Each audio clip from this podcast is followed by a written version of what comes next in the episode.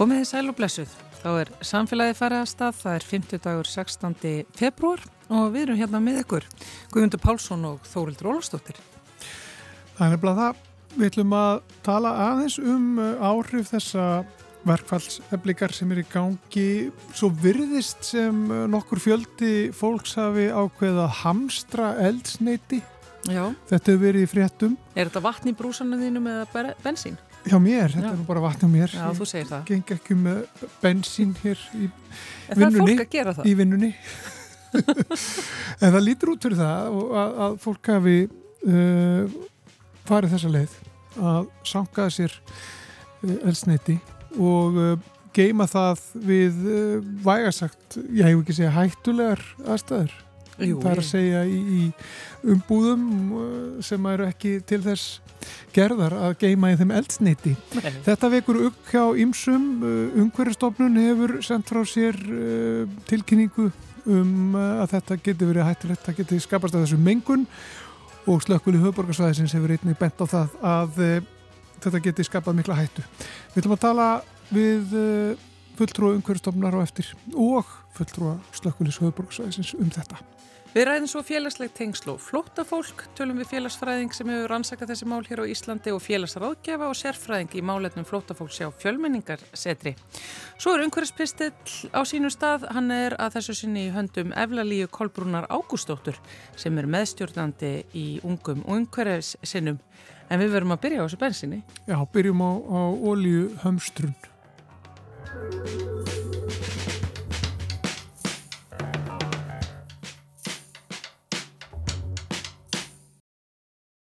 Verkfallið sem er í gangi núna, verkfall eblingar, eh, það hefur orðið þess að óljuflutningar eh, eru takmarkaðir, mjög takmarkaðir.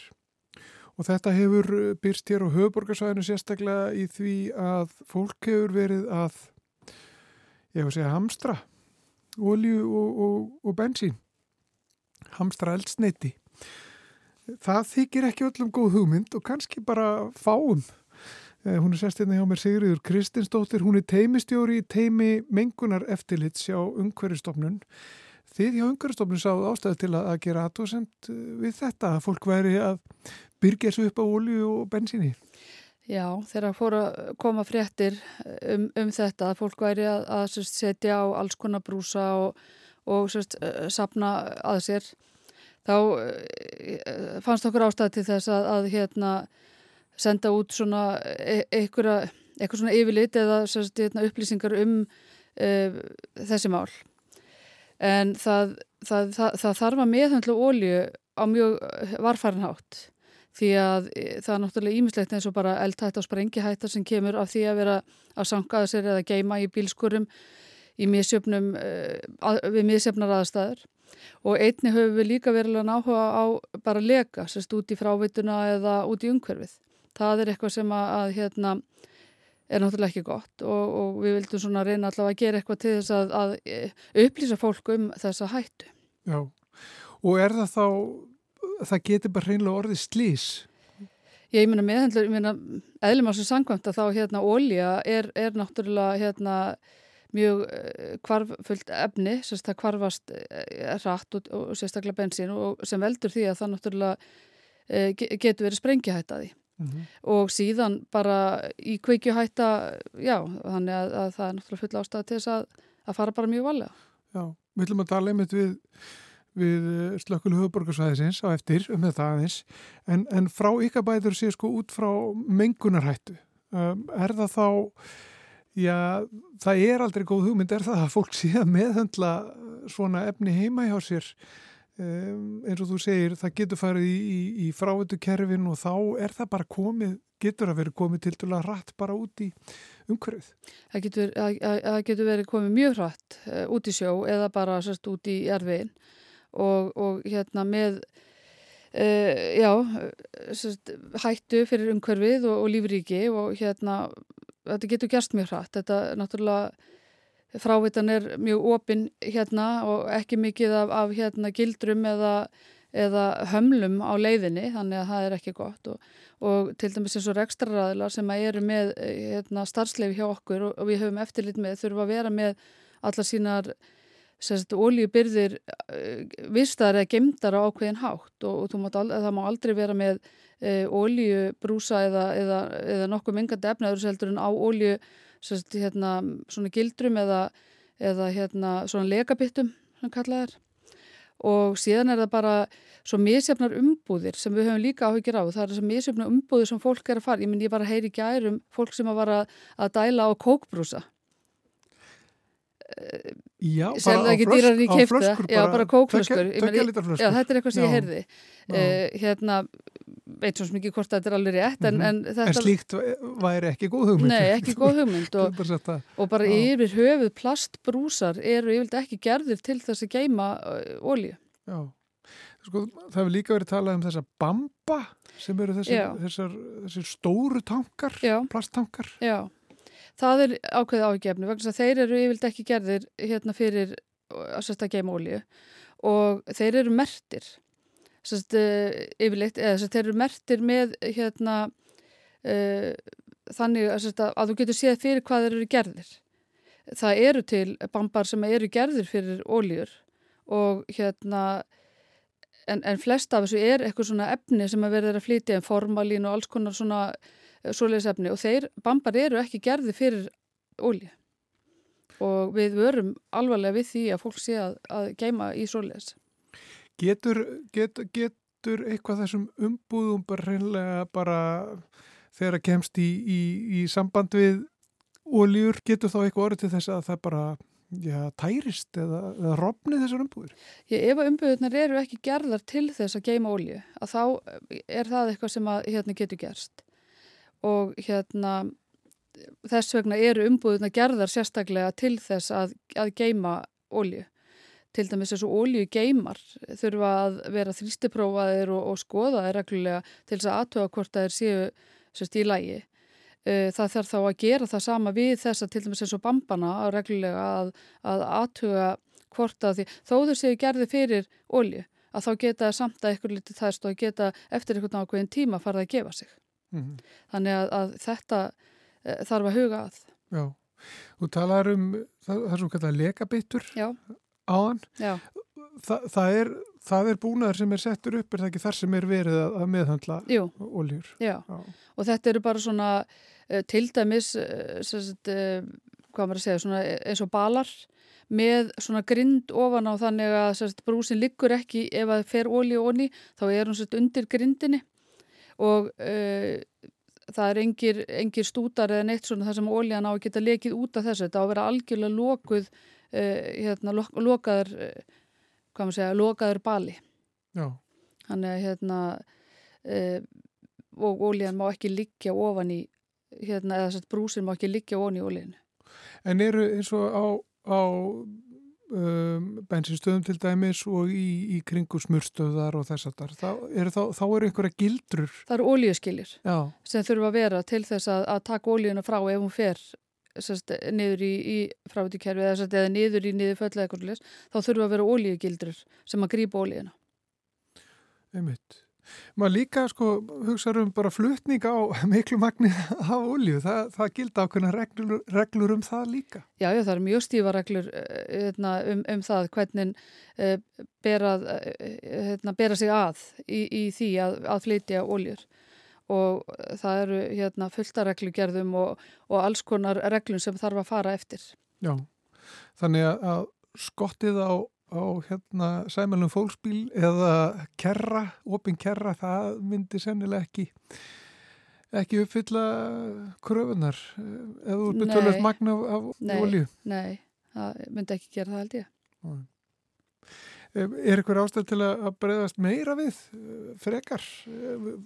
Er, eru vísbendingar um að, að þetta sé mikið magn sem að, að hefur verið hamstrað, ef við notum bara það orð? Nú hef ég svo sem ekkert fyrir mér nema bara það sem maður er búin að heyra í fjölmiðlum og eitthvað sem maður heyrir utan að sér sko, þannig ég ger mér svo sem ekki grimm fyrir því en miða við fréttinnar að þá virðist þetta vera hérna í einhverju magni, ég svo mynd í einhverjum fréttamil í gær þar sem voru einmitt svona, virðist vera eins og bambar og kerru sem verið veri var að fylla uh, en ég er svo sem ekki mennin að tölur sérstaklega um það hvað, hvað fólk er að hefur verið að hamstra Nei. En mun umhverfstofnun skoða þetta eitthvað nánar?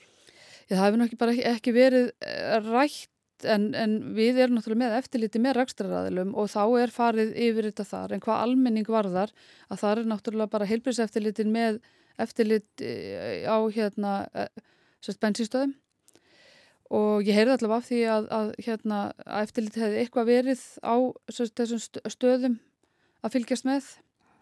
En ég veit svo sem ekki hvað verður hvað verður með það. Einmitt. Þeir eru að minnstakosti búin að, að senda frá okkur þessa, þessa tilkynningu. Já, ég hveit bara fólk til þess að kíkja inn á heimasíðu umhverfstofnunar og skoða þess að, lesa þessa tilkynningu því að það er svona íminsfróðleikur þar um ólíu geimslu ólíu sem er kannski alltaf fyrir fólk að kynna sér Já Ég veit það, Ljóku Hessursona, Sigriður Kristinsdóttir, teimistjóri í teimi mengunar eftirlit sjá umhverfstofnun. Takk fyrir þetta. Já, takk. Og við ætlum eh, hér á eftir að eh, ringja í Birgi Finnsson, hann er starfandi slökkulistjóri slökkulis höfuborgarsvæðisins. Heyrim í honum hérna eftir örskamastund. Fyrst er það eitt lag, þetta er Sálans Jónsmíns, lag sem heitir Á nýjum stað. Þegar allt er gengið niður og fangar ekki sest á ný heyris kunnulegur kliður úti er friður ró fyrir bí Það er vist og fljótt að fagna fókið er í skjólinn flest hratt og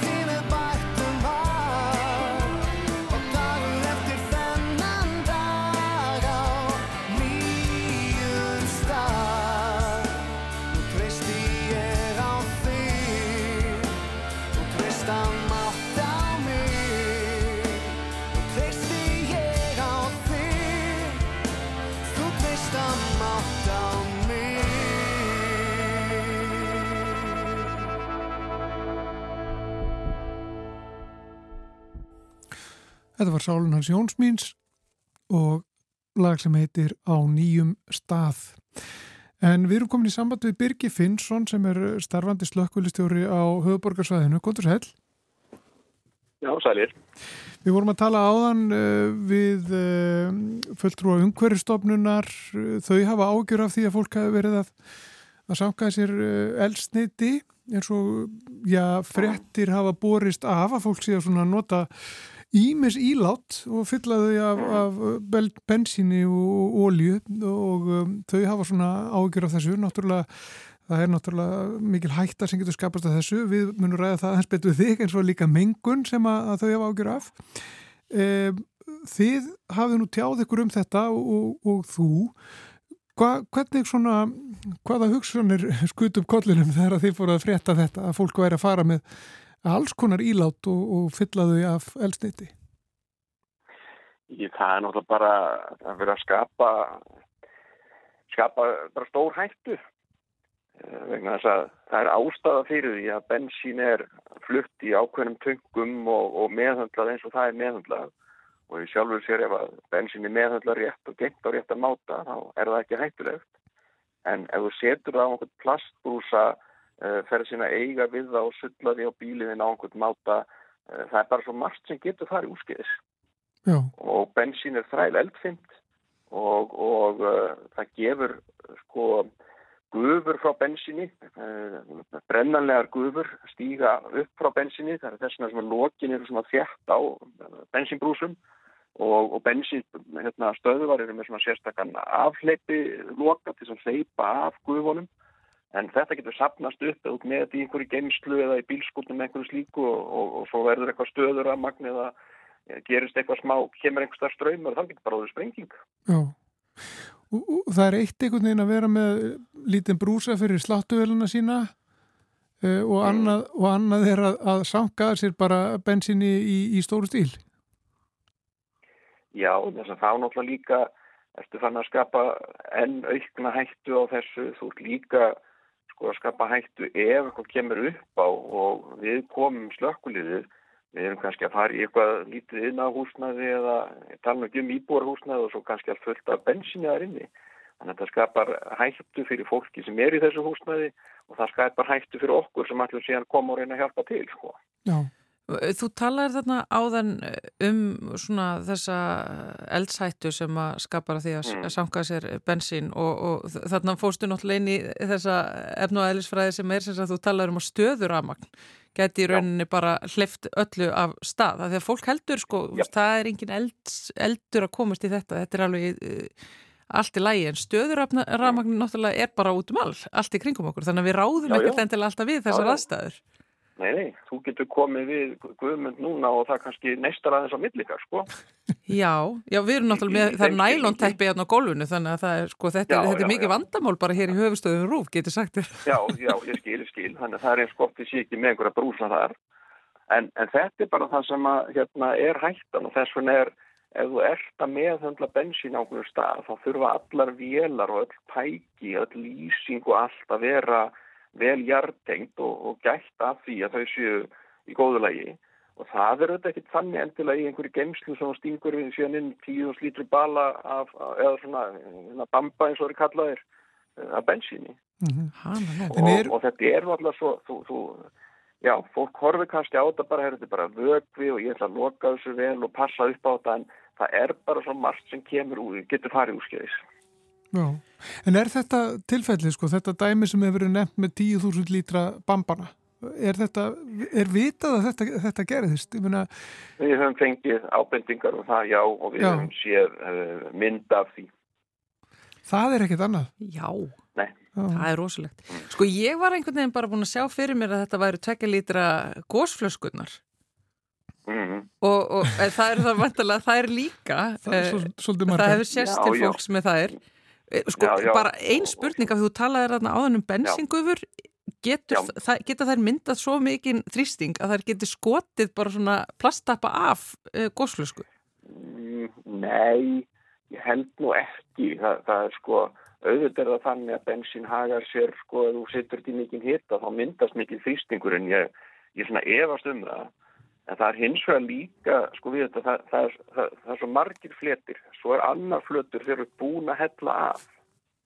Já, Og þú fer með, og kannski, og ert með smá ennþá líka á flöskunni. já, ég skil, já. Að í raun og veru, sko, þó að við höfum nú svona reynd að leggja línunar og segja, "Heyrðu, við ætlum ekki að leiðbenna fólki hvernig þú geymir þetta á ólögulegan máta og, og, og slæman hátt.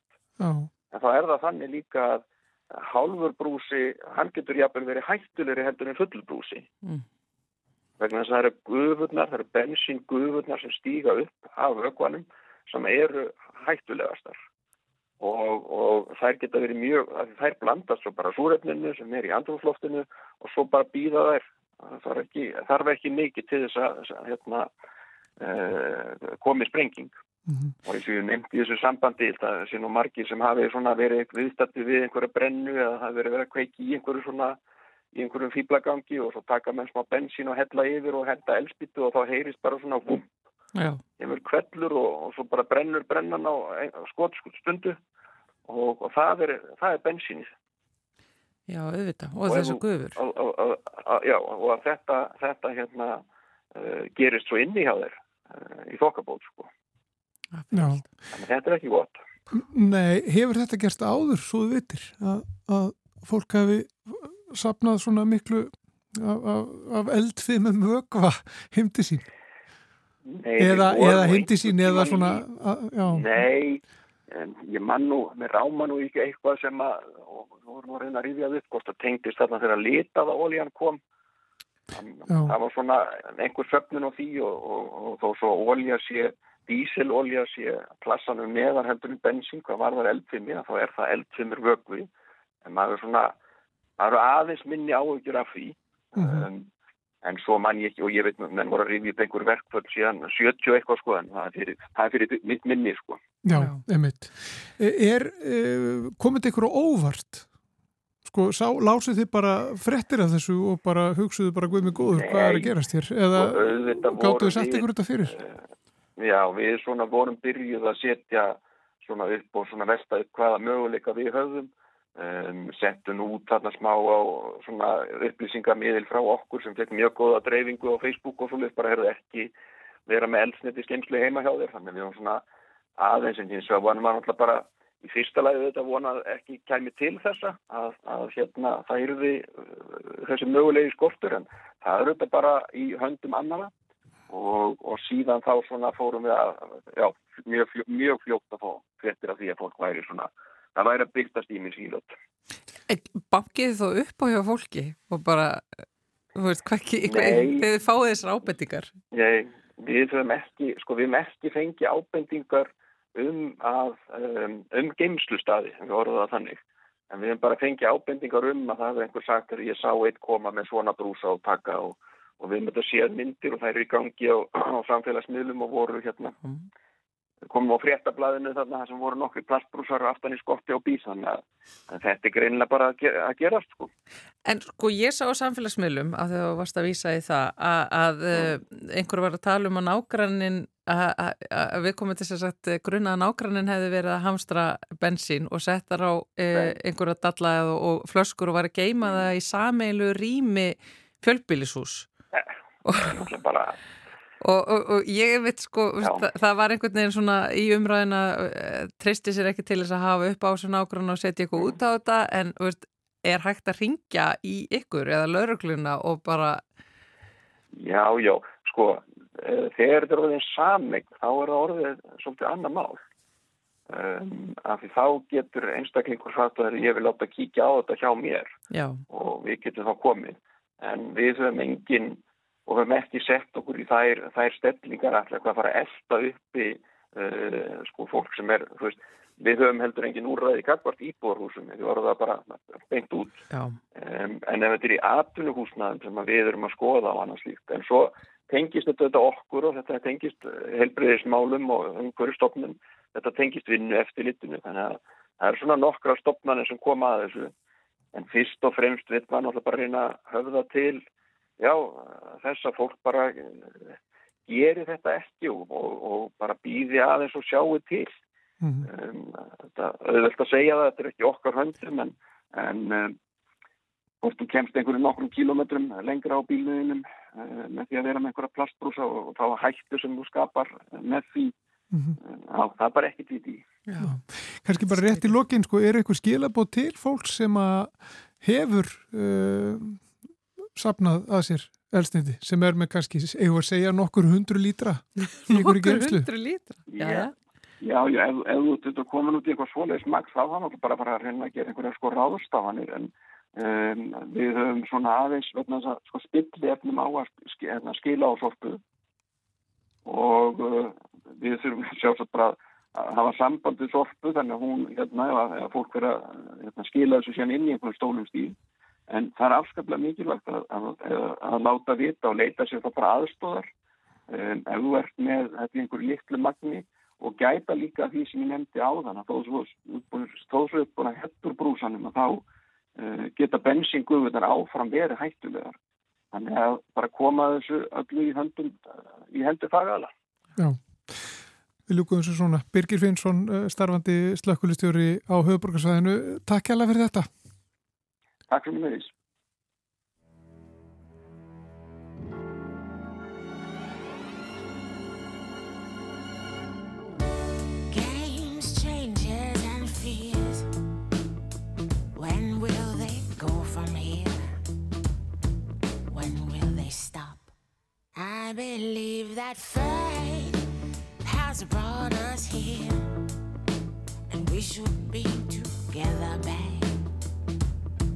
安慰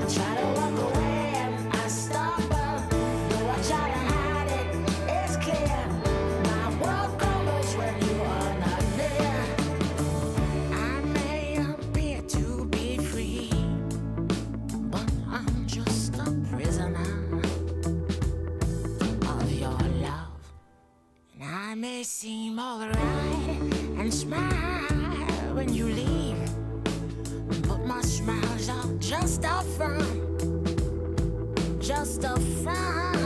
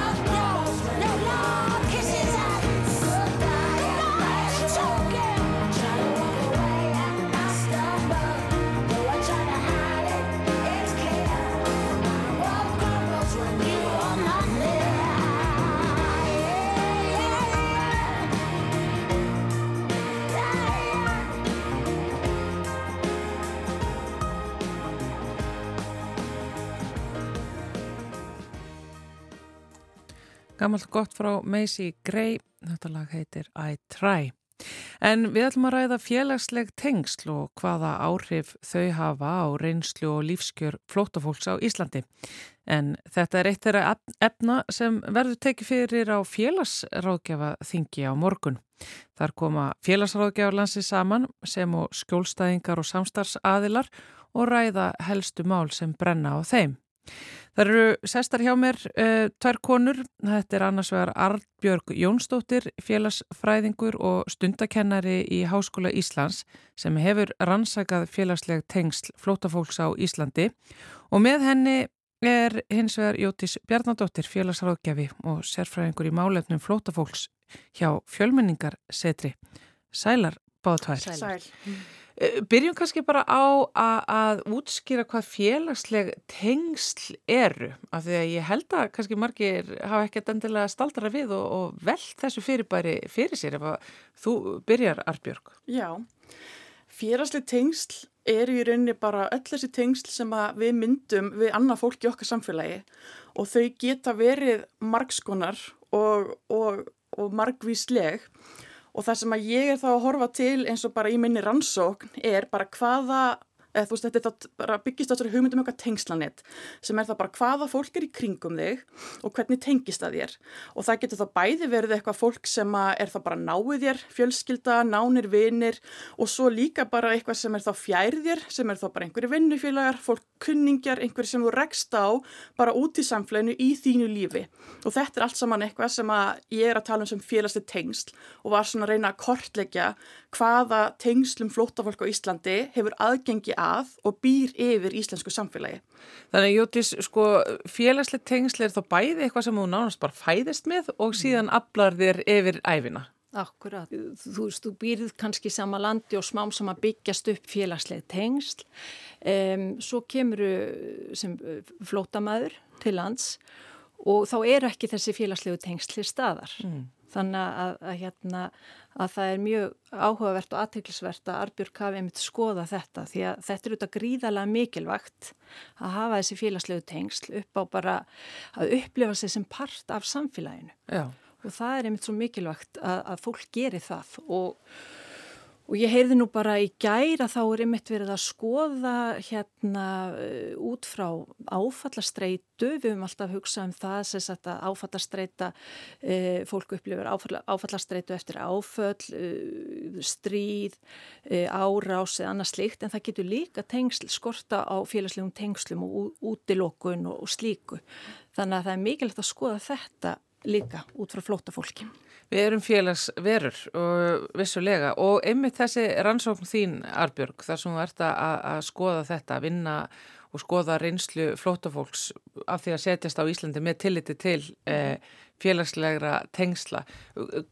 Hvað kemur í ljós? Þú koma náttúrulega með engin félagsleg tengsl og hvað? Sko, já, fólk kemur hinga kannski með engin félagsleg tengsl í Íslands samfélag en það býr vissulega tengslanetti sko bara á sína vini og sína fjölskyldu þótt að sé kannski ekki á sama stað. Ah. Mér það svona mikilvægt punkt þess að hafa í huga. Fólk kemur ekki, kemur ekki tengsta laust til Íslands eða bara til þess lands ef við flytjum sem til landa en við kannski höfum ekki tengst í því samfélagi sem við komum og þurfum að byggja þau upp.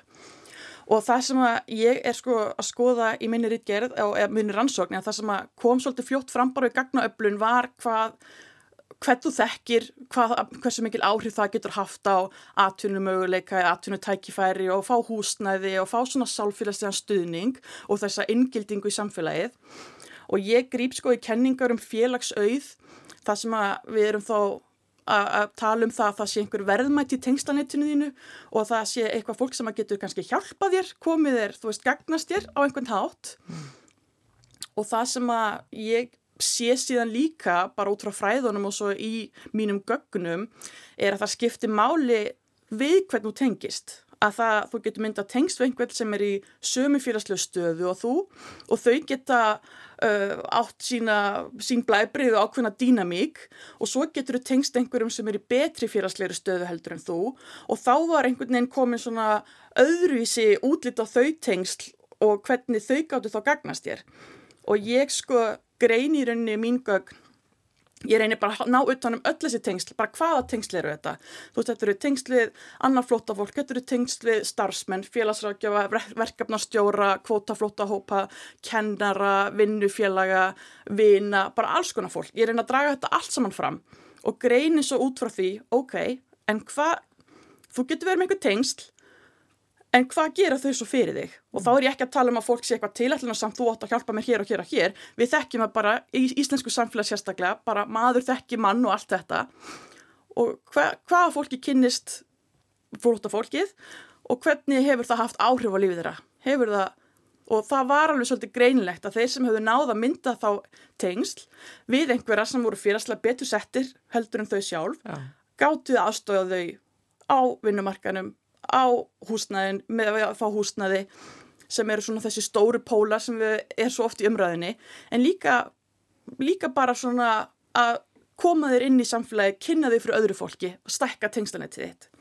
Jóttis, nú ert þú náttúrulega sérfræðingur í, í málöfnum flóttafólks á fjölmenningasetri. Er, eru þið að koma á og vinna með félagslega tengsl bara í eitthvað starfið þá? Sko þetta er hérna bara mjög góð spurning. Um, svona til að fara aðeins yfir hvar við erum stödd núna að þá uh, var semst uh, gerður samningur við fimm sveitarfélög árið 2021. Þess að félagsmálaráðanetti gerði samning um samræmda móttöku og í því fælst að það er svona ákveðin umgjörð um móttöku flótafólks og uh, ráðanetti greiðir þá sveitarfélagunum uh, fyrir þessa vinnu og jafnframt fekk semst vinnumálastofnun auki hlutverk og þau eiga halda utanum íslensku námskeið og samfélagsfræðslu og svona aðra virkni.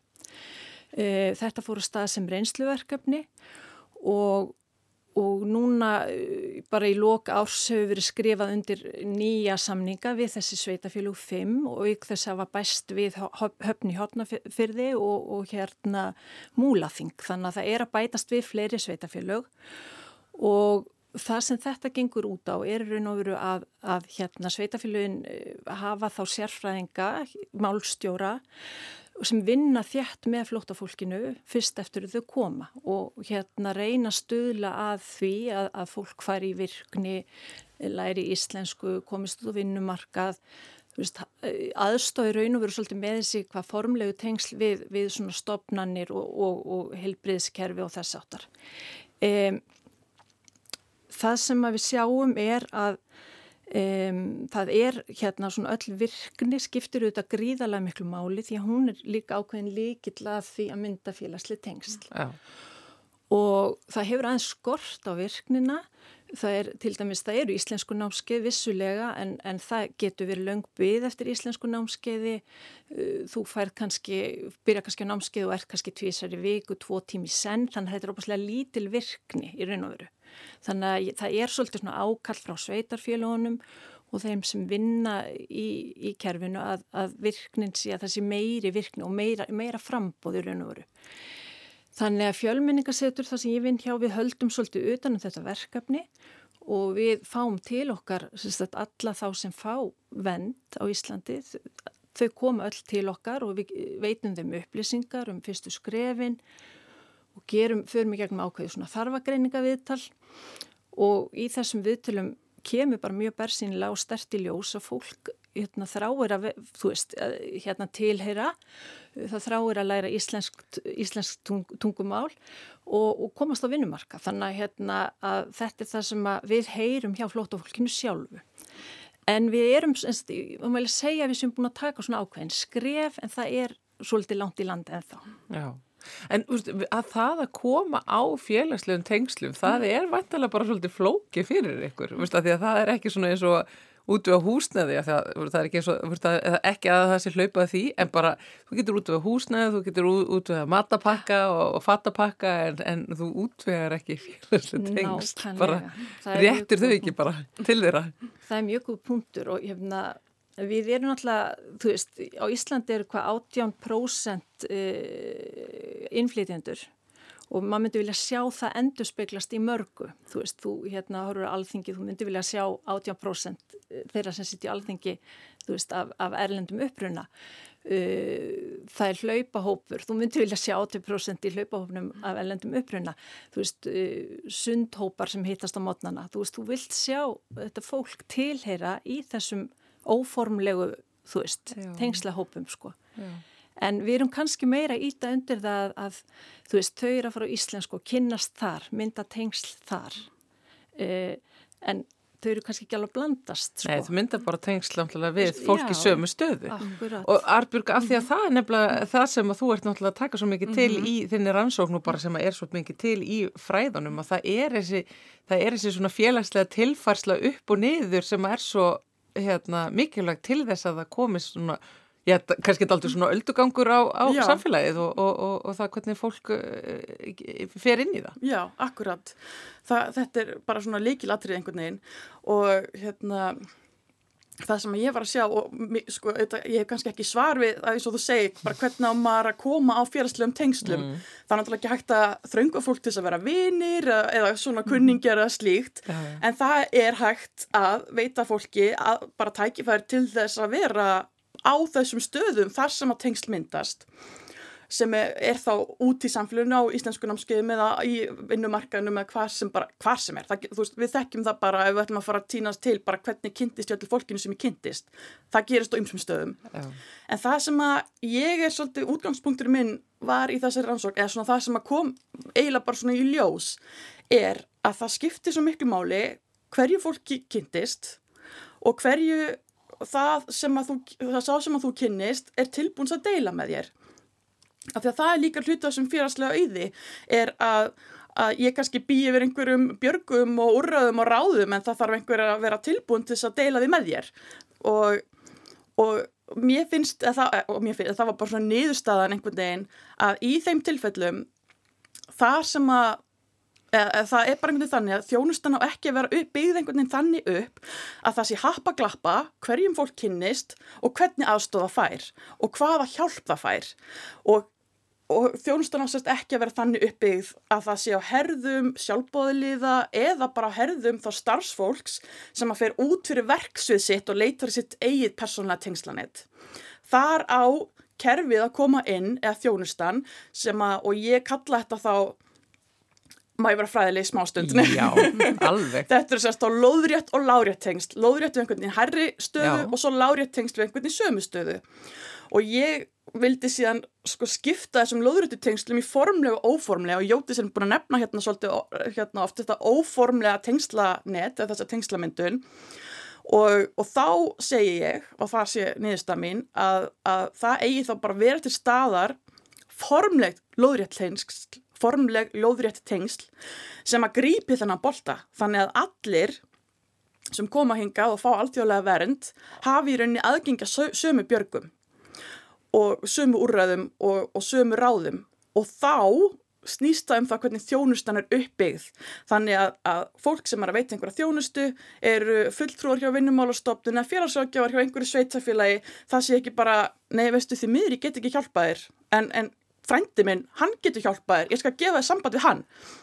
Það, að það sé ekki einhvern veginn það sem á að vera, heldur að þjónustan eigi bara að vera, já þetta er þörfin þín, já ég get hjálpað þér. Þannig að við Og það er höfum hluti af vinnunum minni. Þannig að við kannski hér á Íslandi höfum svolítið stólaðið mitt á þessu svona óformlegu tengsl. Það er, maður sér þetta bara á Já. Facebook Já. það er bara mikið af fólki sem að er að reyna að styðja við flóttafólk og leitar út til sinna og þetta er einmitt, ég held þetta að væri aðeinslu hlutur sem þetta vissulega er. Auðvitað er það það, Er það vissulega, það er þetta sem að vantar þá í kerfið okkar. Og það eru þó þeir sem að falla hérna á milli af því að Já. svo er hópur af fólki sem að þekkir ekki einhvern sem getur sett status á Facebook og auðvist eftir Og það verður að einhverju. geta verið gripið af þessu formlega tengslanetti Akkurat. og, og hérna, það, já.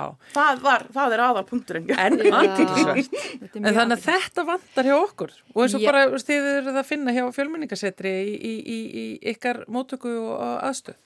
Já, sko, ég hérna, vil þó segja að það hefur ýmislegt breyst og ef ég bers að því ég hef unnið í þessu málaflokki sex ár og, og það hefur mjög margt batnað. Þannig ég held að við séum á hérna, á, ákveðinni leið e, í átt að betra kerfi í raun og veru. Og það má hérna nefna, ég veit að, að félags- og vinnumarkasmálaráðanetið og uh, menta- og barnmálaráðanetið er í ákveðni svona stefnumótandi vinnu og, og ég vænti þess að komi hérna eitthvað gott út úr því. Og mér finnst í því sambandi líka mikilvægt að það sé uh, rætt við flótafólki sjálft, hvað þarfir hafa þau Já, já. og hvernig sjá þau þetta fyrir sér, hvað þurfa þau. Þannig að það er gríðalega mikilvægt. Eh, við höfum, þú veist, við höfum Rauðakrossin sem er með þessa leiðsugvinni við höfum hjálpastar kirkuna, þau hafa verið með ákveðin saumanámski fyrir konur að velendum upprun og það eru svona lítil eh, verkefni hér og þar. En það vantar svona stærra og yfirgrips meira kannski sem grýpur allan hópin og við erum auðvitað að sjá hérna miklu fleiri koma og fá vend núna heldur en hefur verið. Þannig að það þarf bara einhvern veginn aðeins stærri hugsun í þetta alls saman. Já. og ég fæ kannski að bæta líka við að viðmælandi mínir er sérst fólk sem að kom áður en að samrænda móttakan var tekinu upp. Þannig að, að, að þau sem ég var að ræða við þau sérst komu hafa þessa reynslu af því að koma annarkvært sem umsækjendur um alþjóðlega vernd í gamla fyrra kerfinu og eða sem kvótaflóta fólk. Og þannig ég get ekki lagt vissulega mat á að vera bara áhugavert síðan eftir einhver ár þegar komin reynsla á samrændu móttökuna Að gera að aðra gera aðra rannsókn. og sjá hefur eitthvað breyst, hvað hefur breyst og hvernig. Ég allavega er að taka það með mér út úr þessi spjalli við ykkur við þvílíkan auð og bara fyrirgreislu, félagslega fyrirgreislu maður býr nú við. Af því að bara það að vera fættur og uppálinn hér á þessu landi og eiga fjölskyldu og hafa farið hér í gegnum skólakerfið og, og allt það, það bara hjálpa manni svo mikið. Bara, þú veist, á húsnæðismarkaði, retta sér leiguhúsnæði, finna vinnu, komast að ef að, veist, manni vandar eitthvað. Það er bara, það, er engin vandi fyrir mig sem Íslending að ná bara í það sem að ég þarf. Einmitt. Þetta reddast, þessar stuttu bóðlauðir, ég get bara teikt mig í þetta. Og ég fattaði eiginlega ekki hvað þetta er rosalega verðmætt, sko. Þetta er Á hverju maður situr, sko. Já. Þetta er nefnilega verðmætti, þetta er auður og, og þetta svona, já, opn, og þetta svona opnaði líka bara augu mín þegar maður fór sérna að sjá, bara já, það eru ekki svo stutt að bóðlega fyrir alla, þú veist. Nei, Já. nei, og hvað getum við gert í því? Já. Og það er svona mitt svar að þjónusta negi þá að grípa það. Já. Já, já, einmitt. Ég held að það sé, þú veist, það er að vakna, hvað ég segja, fólk er að vakna til vitundar um mikilvægi þess að, að, hérna, að gera þetta betur og maður sér það bara og finnur það. Það kerfið er virkilega að vakna til lífsins. Og þú veist, þetta er, ég meina, flóttafólk er hérna, þeim fyrir fjölgandi í heiminum, þannig að við munum bara halda áfram að taka móti flóttafólk á Íslandi og við þurfum að hérna móta okkur stefnu og, og gera þetta bara almennilega. Því að, þú veist, og stuðla að inngildingu hópsins í Íslands samfélag. Já. og, og hérna eins og ég segi, við erum svolítið núna hjá fjölmenningarsetir að taka saman svona hvað sveitarfjölug og, og, og stopnarnir og, og hérna uh, eins og Rauðukrossin og hjálpastarkirkjunar og svona hafa verið að gera, hvað hefur virkað vel, þú veist, getur við vikað það út, þannig að við erum svona að skoða eitt og annað. Já, áfram veginn, það er allavega til mikils að vinna og afskaplega forveitnilegt að heyra af þessu. Og uh, við höldum áfram að fylgjast með þessu hérna í samfélagi, svo mikið er víst. Jótis Bjarnadóttir, félagsráðgefi og sérfræðingur í málefnum flótafólks hjá fjölmilningasetri og Arbjörg Jónsdóttir, félagsfræðingur og stundakennari við Háskóli Íslands. Takk hjá fyrir að koma. Takk, Takk fyrir. Við erum enn eftir að heyra umhverfispistil hér í samfélaginu. Já. En reglulega umhverfispistil. Alltaf á fymtudögum það er í höndum mismunandi fólks að þessu sinni er það Efla Lía Kolbrún Ágústóttir meðstjórnandi í loftlagsnemnd ungra umhverfi sinna. Kverkvill logan slituð rúnum, rýsa yfir dökka sanda, nippur standa á bröttum brúnum, brennisteini sprungur anda. Hamrar yfir giljum gnapa, gufu spýta hveralungu, móti norðri gini gnapa, geibla hrjúfa jökultungu. Eftir Ólaf Jónsson. Er ég líti kringum mig sé ég bleiklitaða kverkina og jökultunguna til móts við herðubreið umvafða ljósróðnum himni. Kerlingaranan, dingjufjöllin, trölladingju og borðarbungu. Auðnin ríkir á milli þessara ægi fögru svæða, auðnin sem segir okkur mikla sögu frá fyrir tíð. Meðal annars sögu fjalla eyvindar á höllu. Inni á milli spretta lindir sem lýsa upp auðnina. Þessa sín sá ég á fallegri júlínóttu og er hún mér afar kær. Mér þykir afar miður að hugsa til þess að eftir einhver ár verði þessi fagra sjón ekki lengur til staðar vegna þess hver ört jöklun er bráðna. Að komandi kynsluðir geti jafnvel aldrei séð hana. Samspilið millir jökulsins, auðnarinnar og sólarinnar. Geti ekki séð samspil millir elds og ís í gufustrókum hveradala. Því þykir mér nöysilegt að við hugsum til komandi kynsluða og framtíðarinnar í heilsinni í hverju skrefi sem við tökum. Það er nefnilega ekki sjálfgefið að sjá þessa sjón og upplifa þessa stórbrotnu og fallegu krafta sem standa í svo óútskeranlegri kyrð. Ég tel mig ótrúlega hefna að hafa upplifað þetta. Þar sem við búum á tímum neysluhyggju er ekki sjálfsett að framtíðar kynsluður fá að njóta þessara forréttinda í framtíðinni. Þar sem öll okkar neysla losar gróðurúsaloftíðundir. Neysluhyggja ríkir í samfélaginu og sjáum við það meðal annars með hverjum tilumnisteginum á fætur öðrum. Jól, áramót, bóndadagur, þorri, konudagur, bolludagur, sprengidagur, öskudagur, páskar og svo mætti lengi telja. Rétt um það leitið sem jólinn voru klárast var byrjað að selja páskaegg. Það er auðvitað skemmtilegt að finna tækifæri til þess að staldra við, njóta saman, gefa gafir eða borða saman. Ef við viljum gera næstu kynnslóðum kleift að njóta sömu náttúrufegarðar og við, þá verðum við að minka næstlun okkar, minka kaup og verðalög, nýta hlutin okkar til fulls, endur nýta gamla hluti eða gera við þá þegar brotna fyrir úr þeim. Nýkaup ætti að vera undantekningin og ættum við að hugsa mjög vel út í hvaðan og hvað við kaupum. Flest okkar hér á landi eigum farsíma, sjónvarp, tölvu, bíl og göngum um í bómullarfötum. En fæstir hugsa um hvaðan þessir hlutir koma og hvernig þeir hafa áhrif á umhverjuð okkar. Hver hlutur hefur að einhverju leiti neikvað umhverjusáhrif? Meðal annars þar sem við þurfum að flytja hlutina heimsálfa á milli með tilherandi útblæstri gróðurhúsaloftegunda. En flutningurinn getur verið frá staðsendingu afurða í framleiðslu og síðast til neytanda. Þá er einnig verðt að muna hvernig við nýtum tækin og hvaða orku það krefst. Flest tæki nú til dags eru rafmags eða ólíuknúin og þá er nöðsilt að íhuga hvernig og hvaða áhrif notkun tækjana hafi á umhverfið hvort sem það er símin, sjónvarpið eða bílinn. Ef við snúum okkur að fatnaðinum þá er oftast nótast við skadleg efni í vinslu þeirra. En það sjáum við til dæmis í skortireitri og ábyrði í bómullarækt. Svo við tölum nú ekki um vastnótkunna við gerð hverjar flíkur. En þó við séum nú kannski ekki að vera að sleppa því alfærið að klæðast bómullaflíkum eða eiga hinn hýmsu tæki og tól Þá er nöðsilegt að við sem neytendur séum vakandi fyrir áhrifum neyslu okkar. Það getum við gert með því að fræða okkur um hlutina eða með því að innleiða nýjar vennjur í líf okkar. Þegar kemur að því að innleiða nýjar vennjur getur verið mikilvægt að taka minni skref og gera þau vel fyrir ekkert að ætla sér um of og meistakast. Jáfnframt að muna það að enginn getur gert allt en öll getur við gert eitthvað og ef allir leggja sitt að mörgum þá verður heildarmyndin talsvert betri.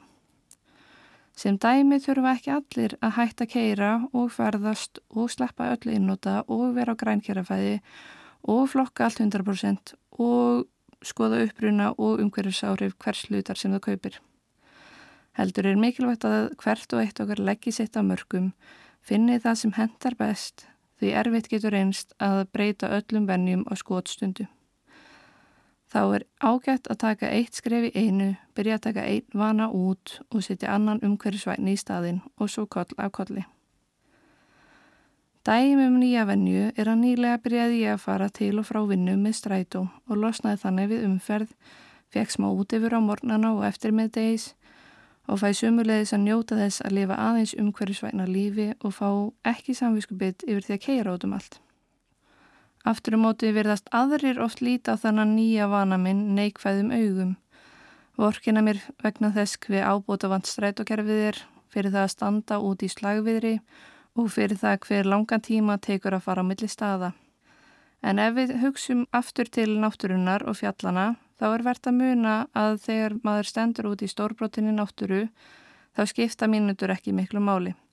Hvers vegna skipta þær þá svona miklu máli þegar við komum aftur í hið hefðbundna líf? Það er ekki þar með sagt að breytinga sé ekki þörf í samgöngukerfinu en kannski eru við aðeins og upptekinn af hraða lífsins til þess að sjá hvað það er sem raunverulega skiptir máli. Þó að mikilvægt sé að einstaklingar leggji sitt af mörgum þá liggur enn meiri ábyrð hjá yfirvöldum og fyrirtækjum.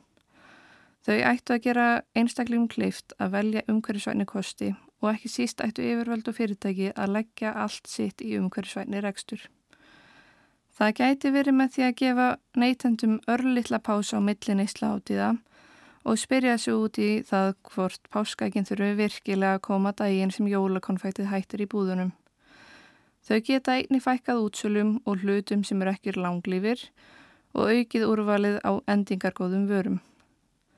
Þetta eru afar smáar áskoranir og er ekki síst nöðsilegt að fyrirtæki myndi sér umhverju stefnur, kynni sér afleiðingar og hveti önnur fyrirtæki, já, eða yfirvöld til þess að gera betur.